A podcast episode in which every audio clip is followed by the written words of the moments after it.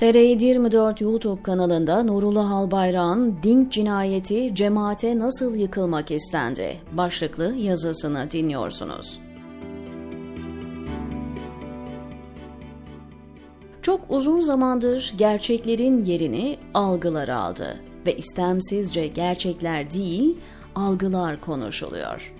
Dink'i vahşice öldüren o gün Samast'ın koşullu salı verilmesi sonrasında da konu yine algılar üzerinden konuşulmaya devam etti.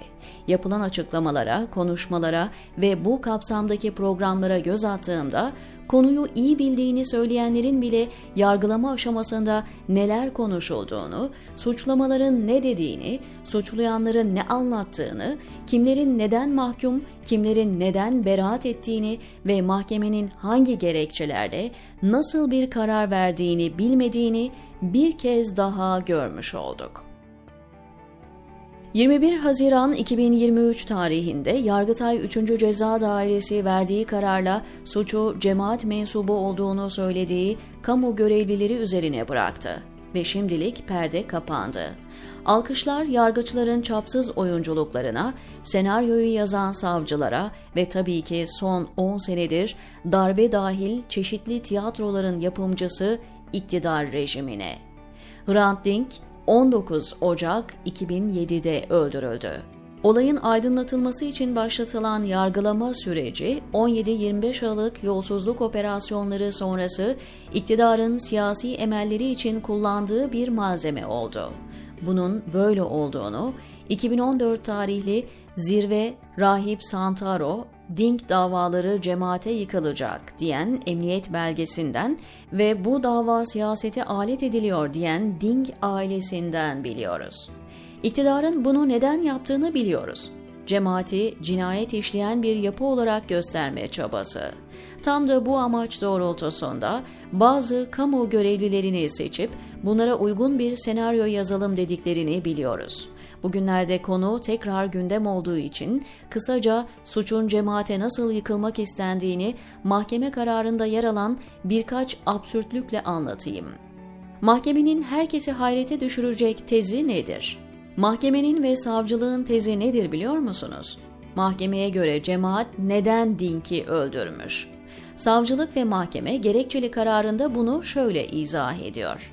İstihbarat Dairesi Başkanı Ramazan Akgürek ve Başkan Yardımcısı Coşkun Çakar, İstanbul İstihbarat Şube Müdürünü görevden alıp yerine İstihbarat Dairesi'nde şube müdürü olan Ali Fuat Yılmazer'i getirmek istiyor ve bunu sağlamak için de bu cinayeti planlıyorlar. Yok canım, bu kadar da değildir diyorsunuz değil mi? Adamlar zaten istihbarat dairesi başkanı ve yardımcısı kendi personelini değiştirmek isteseler bunu kolayca yapabilirler. Böyle bir saçmalık olmaz diyorsunuz ama gerçek bu maalesef. Gözleriyle görmek isteyenler iddianameye ve mahkemenin gerekçeli kararına bakabilir. Neden koruma vermedin? Mahkeme cemaat adına olayı organize ettiğini söylediği, kasten öldürmeden ağırlaştırılmış müebbet hapis cezası verdiği ve ömür boyu cezaevinde hücrede yaşamak zorunda bıraktığı Ramazan Akyürek, neden koruma vermedin, sen istihbarat daire başkanı değil miydin diye soruyor. Ramazan Bey'in ne dediğiyle ilgilenmediği gibi ne hikmetse bu soruyu cinayet öncesinde gönderilen istihbarat yazısını alan İstanbul İstihbarat Şube Müdürü'ne, İl Emniyet Müdürü'ne sormuyor. İstihbarat Daire Başkanı Sabri Uzun'a sormuyor. Yine mahkeme cinayet öncesinde Dink'in tüm medyada hedef gösterilmesi, yargılandığı davada adliye çıkışında Kemal Kerinçsiz, Veli Küçükler'in de içinde bulunduğu grup tarafından protesto edilmesi, kendi yazdığı yazılarda hedef haline geldiğini söylemesi üzerine bir koruma vermeyen İstanbul valisine, il emniyet müdürüne neden koruma vermediniz diye sormuyor. Yine mahkeme valilik makamında başınıza kötü şeyler gelebilir diye üstü kapalı Dink'i tehdit eden MIT görevlilerine neden koruma vermediniz diye sormuyor. Sadece Akyüre'ye soruyor ve koruma işlerine Emniyet Koruma Dairesi bakar. Talepler şahsın yaşadığı yerden gelir diyen ve Trabzon İl Emniyet Müdürü sıfatıyla Hrant Dink'in öldürüleceği bilgisini hem İstanbul istihbaratına hem de İstihbarat Daire Başkanlığı'na Şubat 2006'da bildirmiş olan Akyürek için bunu ceza verme gerekçesi yapıyor. Erhan Tunceli istihbarat elemanlığından neden çıkardın? Olay sonrası Erhan Tuncel'in bir dönem emniyet için çalışan istihbarat elemanı olduğu ortaya çıkmıştı. Ancak cinayetten 3 ay önce Trabzon Emniyeti'nin talebi üzerine bu çalışmasına son verilmiş. Emniyetin ilgili yönergesine göre talebi onaylayan son merci, İstihbarat Daire Başkanı dolayısıyla da Akyürek'in bu belgede imzası var.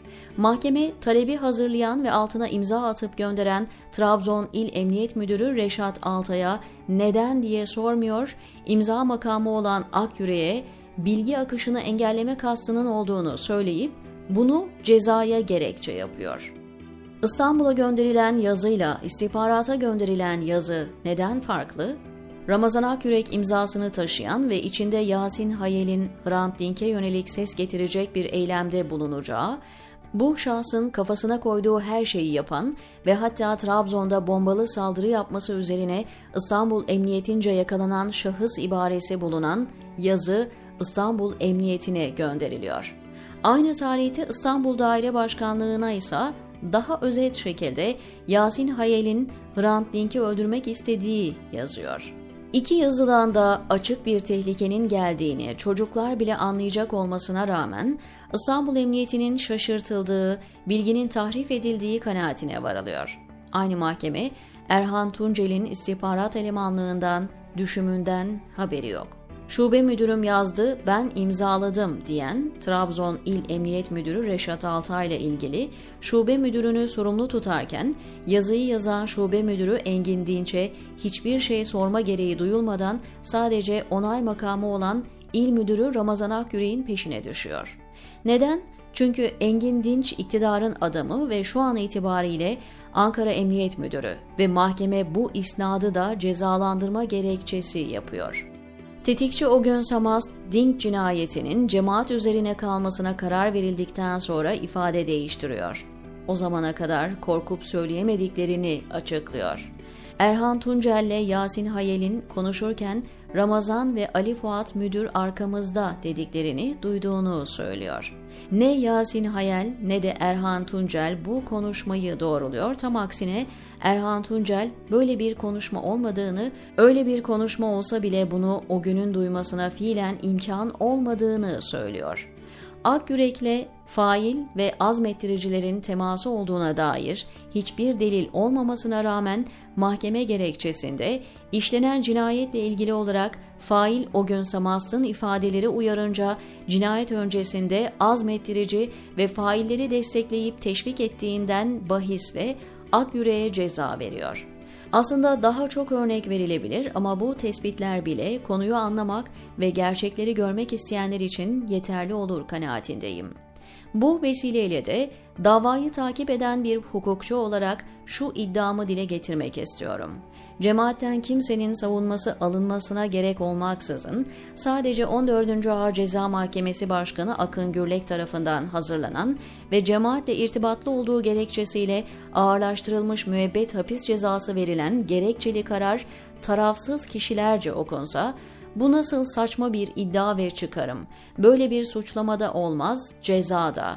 Peşin verilen karara gerekçe uydurmaya çalışılmış ama o da sırıtıyor şeklinde tespitler yapacaklardır, diyor Nurullah Albayrak TR724'deki köşesinde.